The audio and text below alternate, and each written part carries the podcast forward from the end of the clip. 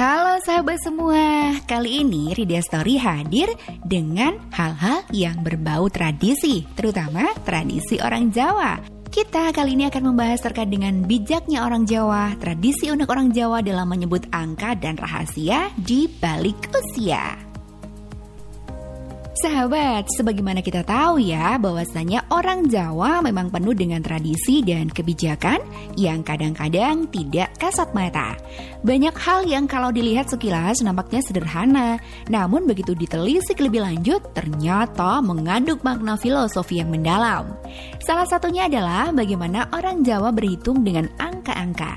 Ternyata banyak ajaran yang sangat mantap buat kita semua. Nah, pada penasaran kan? Yuk simak secara lengkap di sini nih. Cara orang Jawa menyebut angka 11 hingga angka 19. Hitung menghitung angka dalam bahasa Jawa memiliki perbedaan dengan bahasa Indonesia ataupun bahasa asing lainnya. Kalau kamu wong Jowo tentu kenal dengan hitungan berbahasa Jawa seperti siji, loro, telu, papa, dan seterusnya. Nah, ketika hitungan memasuki belasan, pola yang digunakan juga akan masih sama dengan bahasa Indonesia.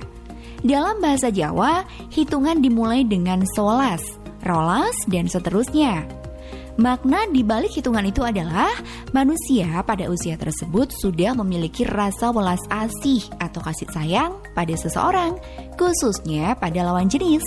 Usia tersebut adalah ketika manusia memasuki masa balik. Menyebut angka 21 hingga 29. Sahabat, hitungan cara Jawa mulai berbeda di angka 21. Bahasa Indonesia menyebutnya 21 dan seterusnya. Namun orang Jawa tidak menyebutnya dengan rong puluh siji, rong puluh loro, dan seterusnya, melainkan dengan memakai kata likur. Jadi 21 selikur, 22 rong likur, dan seterusnya. Likur sendiri memiliki makna linggo kursi atau duduk di kursi. Hal itu karena biasanya manusia di usia 21 hingga 29 tahun sudah mendapatkan tempat duduk atau biasa disebut kedudukan atau profesi yang digeluti. Namun ada pengecualian pada angka 25, bukan limang likur melainkan disebut selawe. Arti selawe seneng-senengi lanang lan wedok atau senang-senangnya laki-laki dan perempuan karena usia tersebut adalah yang paling pas untuk usia menikah. Cara orang Jawa menyebut angka 50. Sahabat, mulai dari 30 hingga 49 tidak ada yang aneh sih dari penyebutan angka tersebut. Semuanya disebut sesuai pola. Misalnya, telung puluh siji, telung puluh loro, dan seterusnya.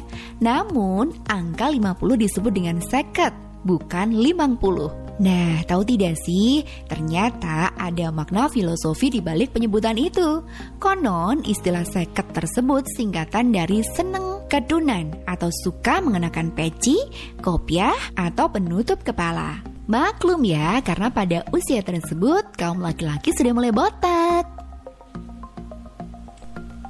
Dan yang terakhir, cara orang Jawa menyebut angka 60. Angka 60 itu memiliki nama yang khusus dalam bahasa Jawa, yaitu Swida. Ternyata Swida memiliki makna sejatine wiswaya tindak, yang artinya sudah saatnya pergi. Wah, agak serem ya sahabat. Yang umurnya sudah 60-an dianggap sudah waktunya meninggal karena Rasulullah SAW juga meninggal di usia 60-an.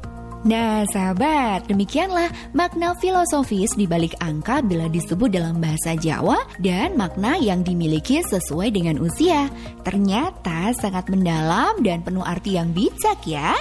Semoga informasi ini bermanfaat sahabat dan sampai ketemu di cerita-cerita Rida berikutnya.